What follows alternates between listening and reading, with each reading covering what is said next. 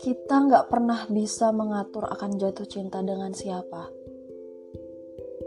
kapan, di mana, dan dalam kondisi yang bagaimana.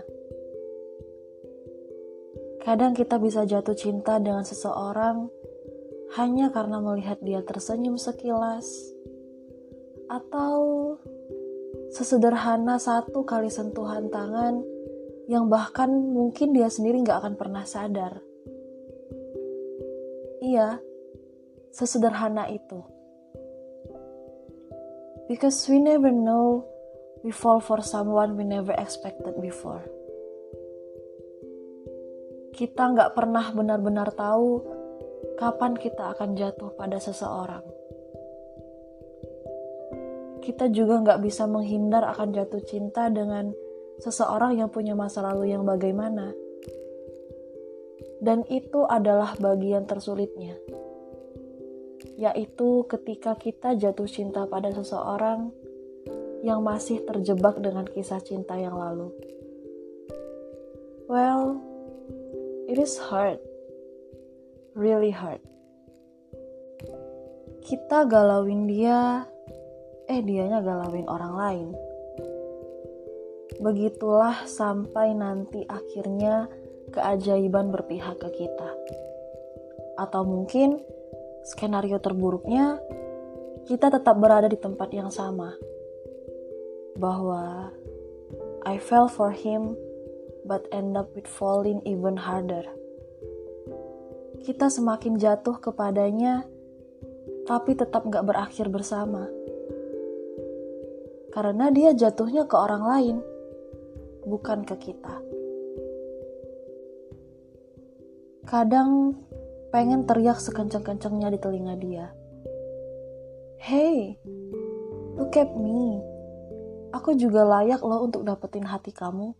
Tapi kenapa kamu gak mencoba untuk lihat aku sebentar aja? Andai ya, andai semua hal di dunia tuh mudah dilakukan, semudah membalikan telapak tangan.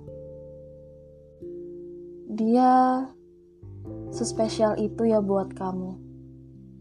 Sampai-sampai kamu gak bisa lupa dan masih mengharapkan kehadirannya. Lalu aku harus apa biar bisa dilihat balik sama kamu?